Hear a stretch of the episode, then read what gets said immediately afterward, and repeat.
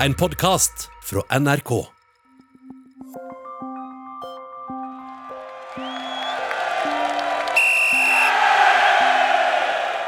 Søndag skulle en av årets store kamper spilles i engelsk fotball. Manchester United mot Liverpool på Old Trafford.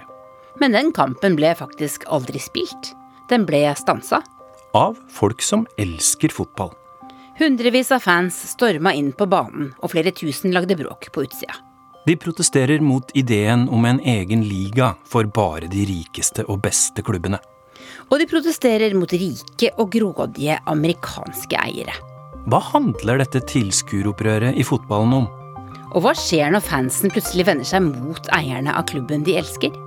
Du hører på Krig og fred Med Tove Bjørgaas og Tore Moland.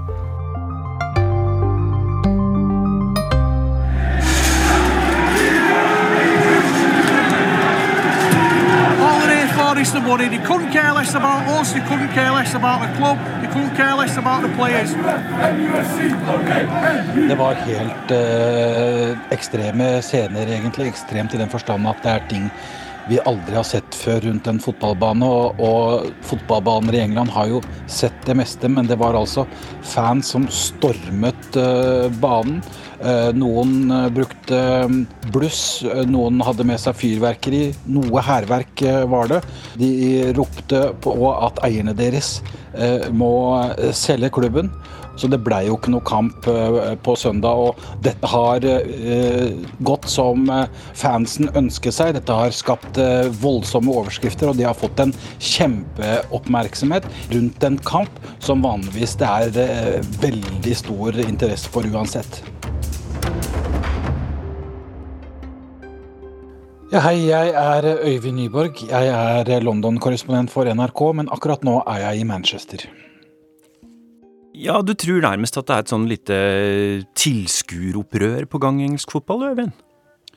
Jeg tror egentlig at eh, det er en liten revolusjon på gang. Det er ikke sikkert revolusjonen kommer så veldig langt, det kan kanskje andre si mer om enn meg etter hvert. Men eh, det er jo klart at uh, i Manchester så var jo eierne av klubben uh, noen av initiativtakerne uh, til Superligaen. Og Superligaen som skulle jo endre engelsk fotball til noe som fansen virkelig ikke likte. Jeg tror takket være mye av det fanopprøret vi så, så døde jo dette bare etter litt over eh, 50 timer. Selvfølgelig etter store protester fra både Premier League og også den eh, europeiske eh, fotballigaen. que juegan entre ellos todas las semanas. Eso es el mayor espectáculo del mundo. No hay nada como eso. Tove, du har mange gode egenskaper, men du er altså ikke så veldig interessert i fotball. Nei, det stemmer faktisk. Men forslaget om en superliga, det har du fått med deg. Ja, eh, og der skulle altså bare de beste klubbene i Europa spille mot hverandre, var det ikke sånn? For sånn er det mer penger å hente. Ingen sto i fare for å rykke ned, ingen smålag skulle komme opp og overraske med å slå de store. Det ligner kanskje litt på noe du kjenner fra USA? Ja, der er jo de store TV-idrettene, amerikansk fotball, basket, hockey og baseball organisert på, på samme måte. This idea is a, a spit in the face of all football lovers. Men i Europa ble det ville protester fra både fans og forbund, og forslaget fra tolv storklubber i fotballen, deriblant både Liverpool og Manchester United, ble kjapt trukket tilbake.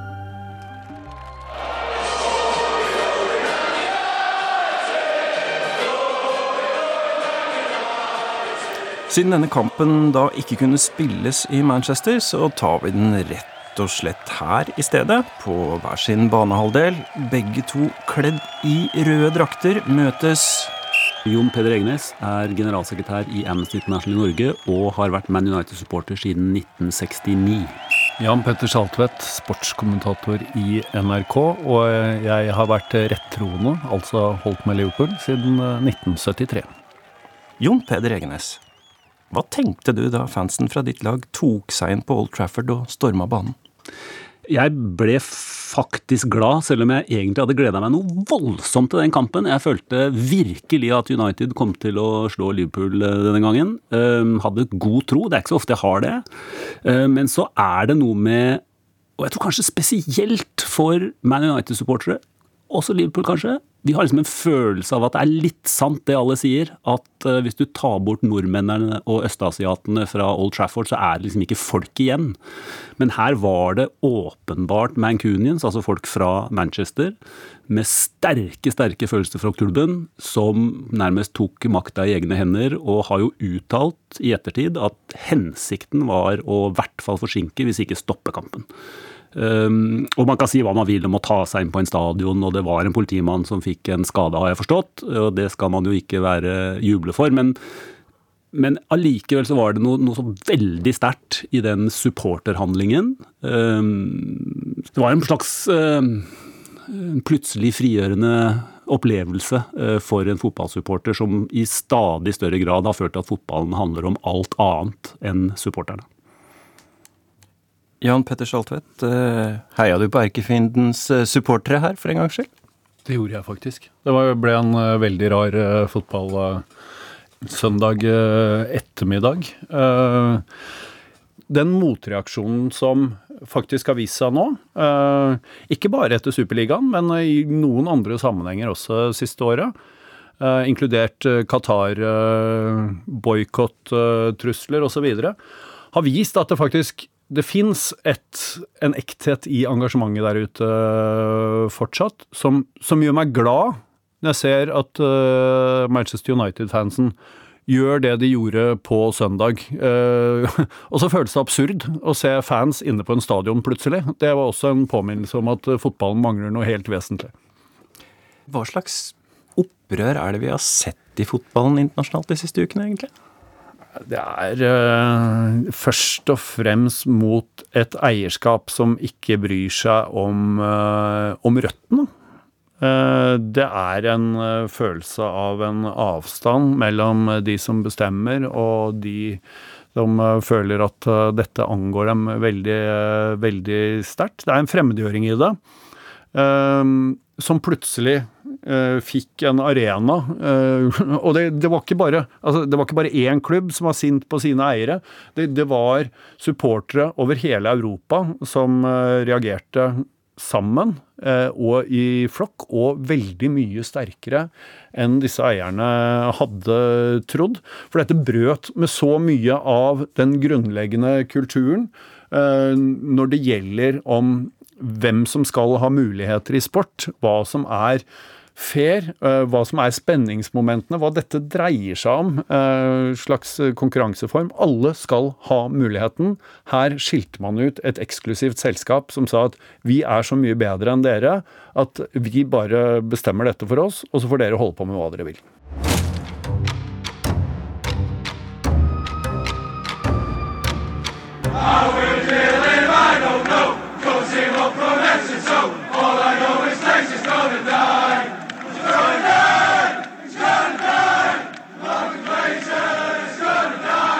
Familien Glazer må dø, synger fansen til Manchester United om sine amerikanske eiere utenfor hjemmebanen Old Trafford.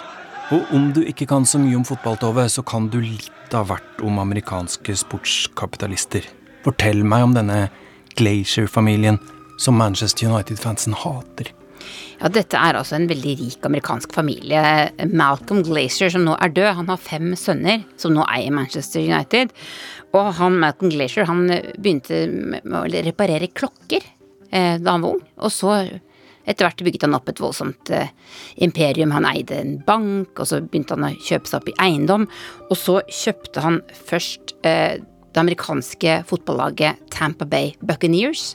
Og så kjøpte han også Manchester United. Og nå er det de fem sønnene hans som har overtatt eh, Manchester United, og to av dem er spesielt involvert i, i driften av det laget. Jon Peder Egenes, hva er det med denne amerikanske Glacier-familien som eier Manchester United, som gjør dem så fryktelig upopulære? Ja, Det er jo helt fra starten i 2005, da de kjøpte klubben. Eh, da var Man United en gjeldfri klubb eh, som ble drevet økonomisk eh, så vidt jeg, altså. jeg er ikke noen finansekspert, men så vidt man kunne se som supporter, så gikk den klubben veldig bra. Den hadde også et veldig faktisk bra forhold mellom inntekter og lønnsutgifter, og liksom alt virka som en toppklubb som faktisk klarte å styre unna de verste pengefellene. Så kommer denne familien og skal kjøpe klubben. Og gjør det med å belåne klubben noe voldsomt. Jeg tror eh, gjelda nå er på ja, nesten fem milliarder kroner eller noe i den stilen. Eh, og har siden, eh, i tillegg til å ta penger ut av klubben for å betjene denne gjelda som de har påført klubben, også tatt penger ut av klubben for å putte i lomma. Sånn at det var én ting de var ute etter, og det var å tjene penger. Og nå husker jeg ikke helt om det var en Glacier eller Ed Woodward, men en av dem sa i hvert fall at vår evne til å tjene penger henger ikke sammen med sportslig suksess dette brandet er så stort at vi kan tjene penger likevel. Det liker du ikke å høre som supporter, at eh, det er ikke så farlig hvordan det går. fordi at vi har mulighet til å tjene penger likevel, fordi denne klubben er så kjent. Det tenkte jeg var det. Jeg tror det var da jeg kjøpte meg gult og grønt skjerf. Ja, Hva betyr det gule og grønne skjerfet for et lag som spiller i røde drakter? Ja, det er, eh, det er, den opprinnelige fargen. Altså den klubben som ble Manchester United, som het Newton Heath, hvis jeg ikke husker feil akkurat nå, de hadde gule og grønne drakter. Så det er på en måte en slags eh, Det er jo litt sånn nostalgisk, da, peke bakover, men, men det er det, det, som har blitt valgt. Så når du sitter med et gult og grønt skjerf i, over den røde drakta, så er det også en protest mot det er, eierne? Det er liksom protest mot eierne. Jan Petter Saltvedt, ditt lag Liverpool er også amerikanske eiere? De har det. Og denne FSG, som det heter, Fenway Sports Group, som på samme måte som Glazers eh, eier eh, bl.a. Boston Red Sox eh, i, i baseball-ligaen i USA, hatt veldig suksess med måten de har drevet sport på. Hadde en modell for forretningsdrift rundt sport som de tok med seg fra USA og til England. Og viser i hvert fall en viss forståelse for at en klubb som Liverpool på samme måten som Manchester United, faktisk Altså, den, den viktigste kjerneverdien i den klubben er fansen, uh, og ikke uh, Altså, de utstråler ikke i samme grad som en del av de moderne eierne gjør, at uh, fansen heller eh, bør omdefineres til kunder. Eh, for det er en av de, eh, tror jeg, en av de følelsene som svir mest hos en fotballsupporter.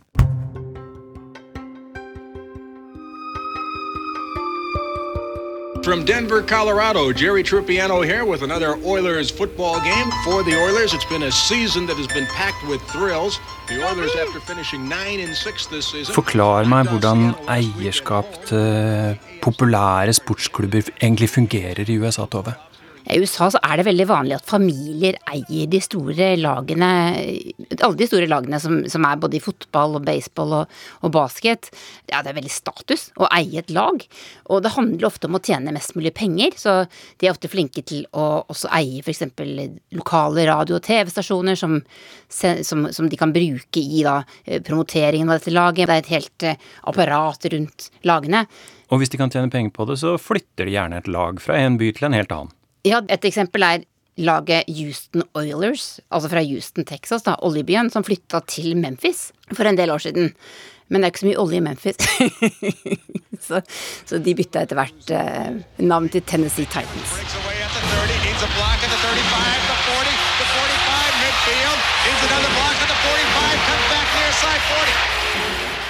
Ja, får klubbeiere i USA fansen mot seg på samme måte som de nå har gjort i England? Her har jeg en litt sånn personlig historie som jeg kanskje kan få lov til å fortelle. Fordi eksen min, da, han heter eh, Dan Schneider.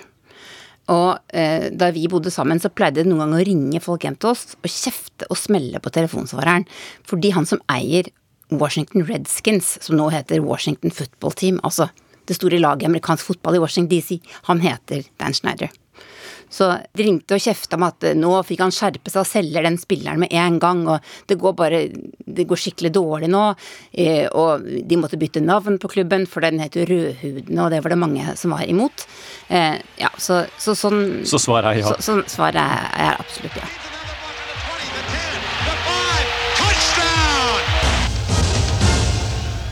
Ser man noen lignende form for uh, motstand fra fansen mot eierne i amerikanske idretter, Jan Petter? Vet du noe om det? Eh, Det har vært protester. Det har gått mest på denne flyttinga vi snakka om. Det at man tar denne fransisen, som det heter, Uh, denne rettigheten til å være med i ligaen, og flytter fra et eller annet sted, særlig gått utover Canada i ishockey f.eks., som var det var arnestedet, det var der alt startet. Og så kom USA med i det som er den eh, nordamerikanske ligaen.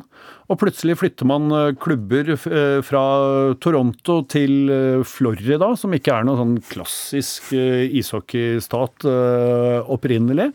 Fordi man eh, vil eh, spille nær Disney World og ha det som en eh, attraksjon på linje med all annet av det underholdningsindustrien har. Og jeg skulle ha likt å sett protestene protesten i Europa i det den første klubben Altså, du se for seg, eh, det skulle være to Milano-klubber med på dette, det skulle være to Manchester-klubber, to Madrid-klubber.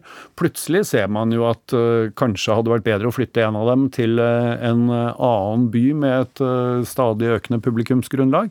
Tenkte man egentlig en europeisk superliga på sikt, eller så man for seg Riyadh, Tokyo, kanskje Beckhams eh, Inter Miami som en del av dette. Ingenting som kunne hindret eh, noe sånt noe på sikt. Men er ikke fotball underholdningsindustri, da?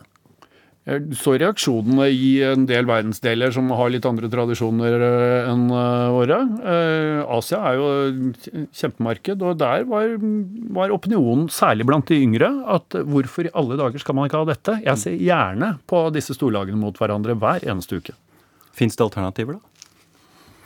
Man, man diskuterer jo om det fins andre eierskapsformer. og Det, det henvises jo veldig til Tyskland, da, som har denne nå mye omtalte 50 pluss 1-regelen. som skal sikre det er jo der, eh, Man skal ende på 51% her, er jo tingen. eh, Og 51 hva for noe? eh, bestemmelsesrett, først og fremst klubben, og gjennom det medlemmene av klubben, og igjen altså fansen, skal kunne uh, si nei til uh, denne type beslutninger. Om det er å være med i en superliga, eller om det er å selge klubben til en uh, kronprins fra Saudi-Arabia som har lyst til å kjøpe den. Dette har i, i hvert fall i veldig stor grad uh, sikra en helt annen nærhet til supporterne i tysk fotball. Eh, det er et kjærlighetsforhold mellom klubb, delvis eiere, og supporterne fortsatt, eh, som har fungert veldig godt.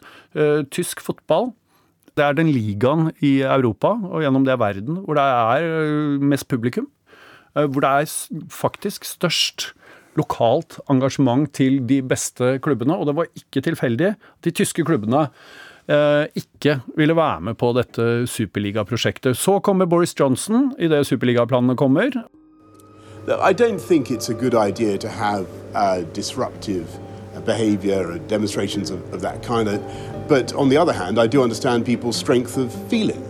Og, og Boris Johnson har jo på sett og vis lovt at supporternes stemme skal høres i klubbene på en eller annen måte. Um, Men vi får se da, hvordan, hvordan det faktisk, eh, hva det faktisk blir i virkeligheten. For at, sant, det er jo bedrifter, og det fins lover, det fins forretningsjuss, det fins alt mulig sånt som selvfølgelig kan, kan stilles i veien eventuelt, da, hvis eierne nekter. Tilbake til disse to røde draktene deres. Hva skjer med den kampen som skulle vært spilt på søndag, da? Det siste jeg hørte, var at den kanskje går av stabelen 16. mai. Ja, Vi kan jo håpe på en ny, ny tradisjon i England også. Ja. 16. mai-tradisjonen Ja, ja, i Norge altså, kommer jo ved en tilfeldighet. Ja, ja det er, men det er vel ikke bestemt. Og det, det blir jo et veldig spesielt opp, oppgjør, i og med at eh, fansen, Liverpool-fansen støtta jo det United-fansen gjorde, i, i, stor grad. Jeg, jeg, tror det blir en uh, markering av en supporterstyrke, vel så mye som en veldig spennende fotballkamp, som det jo alltid er. Men det, det, får, det får noen andre dimensjoner.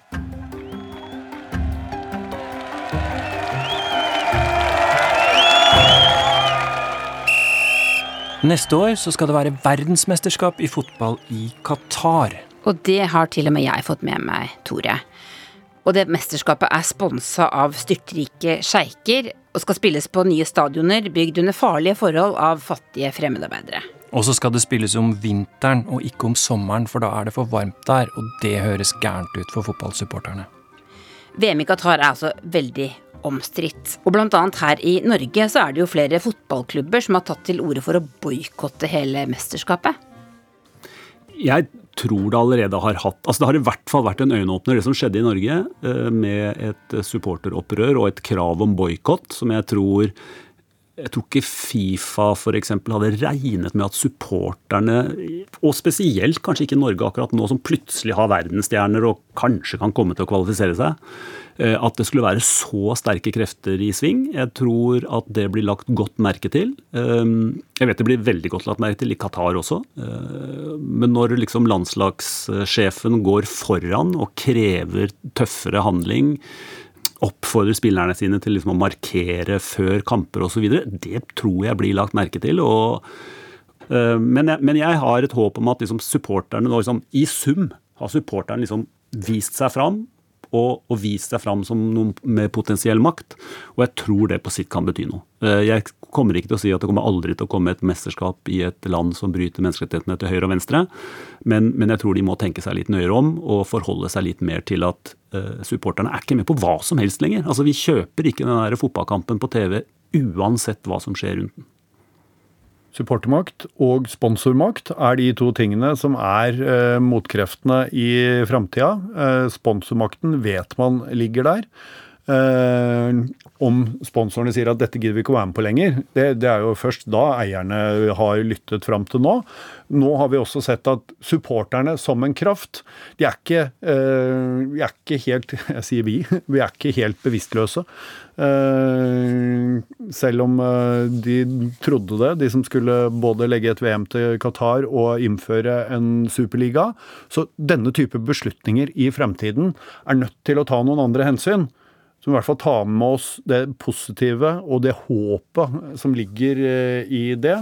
Så har vi blitt skuffa før, som Jon Peder er inne på. Men eh, som når man holder med lag som Liverpool og Manchester United, eh, håpet og troa på at det finnes en bedre framtid, er alltid der. Du har hørt Krig og fred fra NRK Urix. Denne podkasten lages av meg, Tove Bjørgaas og Tore Moland og lydregien var ved Hilde Tosterud.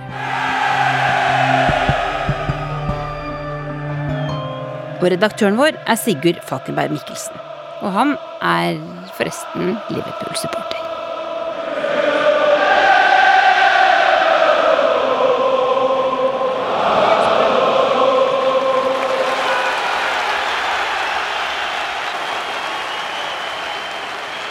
Du har hørt en podkast fra NRK. Hør flere podkaster og din favorittkanal i appen NRK Radio.